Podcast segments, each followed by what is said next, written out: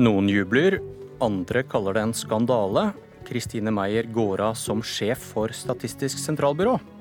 Og KrF evaluerer seg selv etter et nesten skandaløst valg. Hareide blir sittende. Noen jubler nok for det også. Når Politisk kvarter er ferdig, er det én time til finansminister Siv Jensen møter SSB-sjef Kristine Meyer. Og da gir Meyer trolig beskjed om at hun går av etter bråket rundt omorganiseringen. Sigbjørn Gjelsvik, stortingsrepresentant fra Senterpartiet. Var du en av dem som jublet? Jeg tror det et, uh, vil være klokt for at en kan starte prosessen med å gjenvinne tilliten til SSB hos sentrale samfunnsaktører. Aktører. Uh, og uh, jeg har vært overraska over at den prosessen har tatt så lang tid som den, den, har gjort. Altså, Den har eskalert veldig de siste ukene, men altså her kommer jo rapporten fra SSB kommer jo på bordet allerede i januar. Og at en ikke tidligere har fått en avklaring på SSB sin situasjon, er overraskende, og det har svekka SSB sin tillit. Hva slags rolle tror du kritikken fra Senterpartiet har spilt for at eh, Meyer nå går av? Ja, Den kan ha, ha bidratt, den òg, gjennom de eh, siste ukene. Men altså her har jo sentrale aktører, både partene i arbeidslivet, forskere og andre, over lengre tid stilt store spørsmålstegn og eh, kritisert det som har blitt lagt på bordet fra SSB-ledelsens side. Og Det har jo òg skjedd i en situasjon der en har satt ned et statistikklovutvalg som jo regulerer SSB sin virksomhet. Og det at da SSB-ledelsen eh, legger opp til store, omfattende endringer, som i beste fall kan stille spørsmålstegn ved i tråd med det oppdrag som en har, det er jeg overraska over at en ikke tidligere har eh, krepet inn i forhold til. Men til, til, det da, når du sier at Senterpartiet har bidratt her. Eh, dere har sagt at vi ikke kan stole på at SSB med Meyer som sjef vil gi objektiv og nøytral informasjon. Hva bygger dere det på? Jo, men altså det er jo basert på eh, det som eh, sentrale aktører som, eh, som, SSB skal forholde seg til, har stilt spørsmålstegn ved. Altså Allerede da rapporten kom fra SSB, så gikk jo bl.a. LO og sjefsøkonomen i LO ut og stilte kritiske spørsmål til det at en ville bygge på andre modeller enn tidligere. Men det er noe annet enn objektiv og nøytral informasjon. og Det var det jeg spurte om. Det med modeller er en, er en faglig debatt. Men hvordan kan dere si at eh, dere ikke har tillit til at Meyer og SSB kan levere objektiv og nøytral informasjon?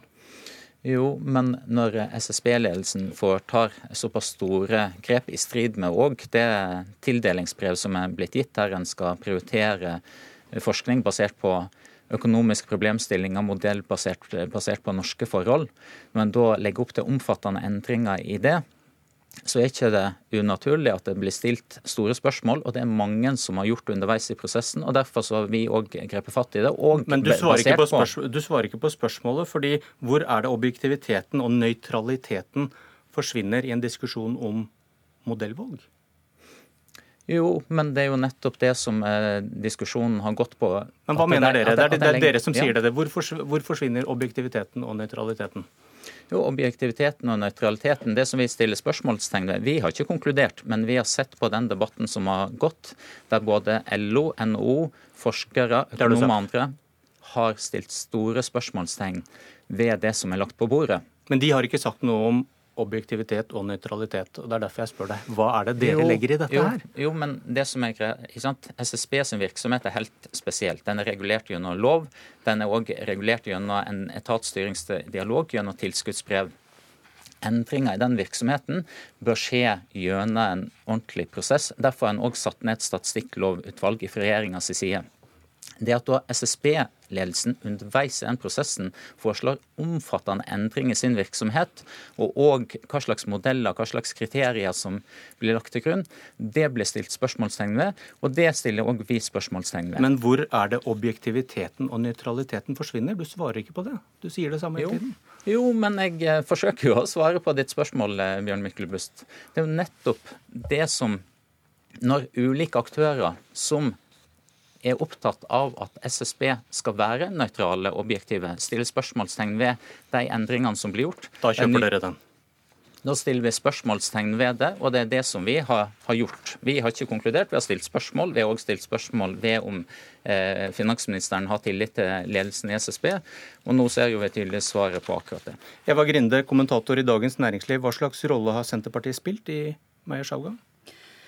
Eh, Senterpartiet har jo gått veldig høyt ut på banen. Eh, kanskje de som har gjort, eh, gått høyest av, av alle de kritiske politikerne. Og jeg syns at nettopp det eh, sitatet du gir her, med eh, tvilen om, de, om SSB kan eh, stå for objektiv og nøytral eh, informasjon, og la det henge i luften, er sånn eksempel på hvordan denne debatten har blitt veldig veldig forvirret. Fordi det alle naturlig nok eh, tenker da, er at Senterpartiet viser til til eh, dette med innvandrerregnskapet, og at Kristine Meyer har, vært, eh, har eh, gått ut klart og sagt at hun er innvandringsliberal. Du mener de gjør, som du sa til meg i går, at Senterpartiet bidrar til å gjøre konspirasjonsteorier fra kommentarfeltene stuerene? Ja, det blir på en måte i, å dra dem opp i den, i den, offentlige debatten og la det henge i luften. Og Hadde det vært sånn at man kunne påvise at sjefen for SSB lot sine personlige politiske overbevisninger eh, styre hvem som får lov til å jobbe i SSB, så, så ville hun jo måttet gå på dagen. Gjelsvik. Jo, men altså, det her spørsmålet er, er langt større enn liksom, enkelt eh, forskningsoppdrag innenfor SSB, selv om det òg er en del av det som blir dratt opp i debatten. Det som det handler om, er jo hvorvidt SSB-ledelsen opererer innenfor de rammer som de er blitt, blitt gitt. Og Det er det som vi òg har stilt spørsmålstegn ved, og hvorvidt da eh, eh, Siv Jensen har tillit til SSB-ledelsen, om en har tillit til at en da kan gjenvinne den tillit som en skal ha overfor sentrale samfunnsaktører. For det, det, er jo ikke sånn at det er bare enkeltpersoner i kommentarfelt som har kommentert. Her har du partene i arbeidslivet som, som er bekymra for de det grunnlag som ligger for inntektspolitisk samarbeid. Det spørs om her de har dratt de samme koblingene, da? det er vel det vi jo, jo, men altså, her er det mange ting som er oppe i debatten. Det er òg forskere som sier at de ikke får tilgang til data på, på, en god måte, til tross for at det er en av de, de oppdragene som SSB er blitt gitt, helt tydelig at en skal gjøre. Sånn at her er det mange ting som i sum bidrar til at SSB-ledelsen havner i en situasjon som en er. Grinde, siden du tar avstand fra konspirasjonsteorier, der du mener det ikke er bevis for at det Meyer har sagt og gjort tidligere, da påvirker omorganiseringen i SSB. Hvorfor vier Dagens Næringsliv tre sider i dag til å fortelle om en artikkel Meyer har skrevet i 2009, der deres overskrift er 'Meyer følger egen manipulativ oppskrift'. Kan, burde dere trykke dette hvis dere ikke mener at også dette bare er en konspirasjonsteori? Ja, um, den um ja, Den overskriften har jeg ikke noe kommentar til, men, men Det er vinklingen deres? ja, det er vinklingen. Eh, det vi skriver Det som er interessant, er jo at Kristine uh, Meyer står midt oppi en, en uh, ledelsesutfordring, for å si det mildt. Og så har hun samtidig en bakgrunn som forsker innen ledelse. og også helt konkret på endringsledelse.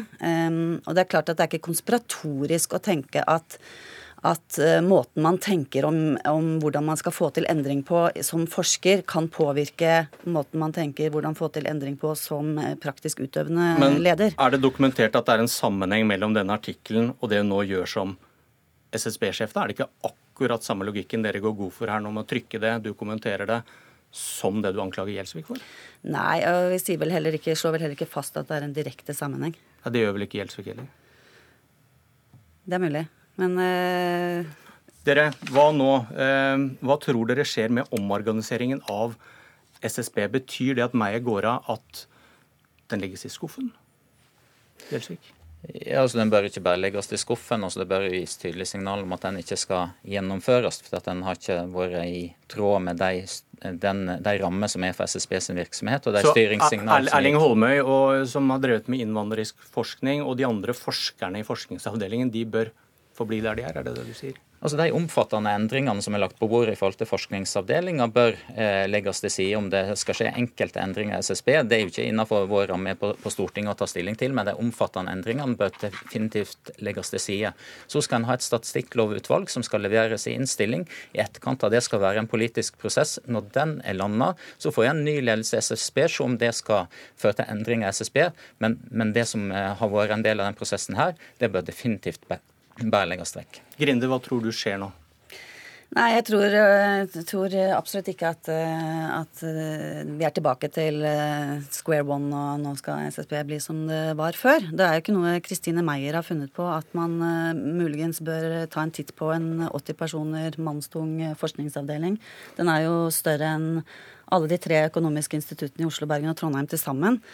Eh, og det er jo en kjensgjerning også at, eh, at, mange ikke når opp forskningsmessig. Altså dette, dette strategiutvalget som Meyer eh, satte ned, besto jo av samfunnsøkonomer, ikke siviløkonomer, som Senterpartiet har, har sagt. Fra, med stor kompetanse fra mange ulike ståsteder. Og, og, og, den viste jo faktisk at veldig mye av denne forskningen ikke, ikke når opp eh, internasjonalt. Og hvorfor skal det være så farlig å ta en titt på den forskningen som ikke tåler fagfellevurdering? Gjeldsvik til, til slutt. Eh, bør dette skje raskt nå, eller kan man ta seg litt tid med å finne en ny sjef? Nei, En bør finne en sjef raskt. Det er viktig for eh, å gjenvinne og bygge opp tillit overfor de eksterne aktører som, eh, som SSB er avhengig av tillit hos, men òg pga. de alvorlige interne forholdene både knytta til arbeidsmiljø knytta til å avklare situasjonen for viktig kompetanse, for å beholde viktig kompetanse i SSB og sørge for at en får en forutsigbarhet og langsiktighet i SSB sin virksomhet. Jeg bare kom kort tilbake til det du, du snakket om, eh, om, eh, om Kristine Meyers personlige oppfatning om, eh, om, om, innvandring. Ja, Det blir veldig kort tid. Ja, og, og det er litt annerledes enn, enn hva slags holdninger hun har til den jobben hun skal gjøre, som er ledelse. Ok, takk skal dere ha.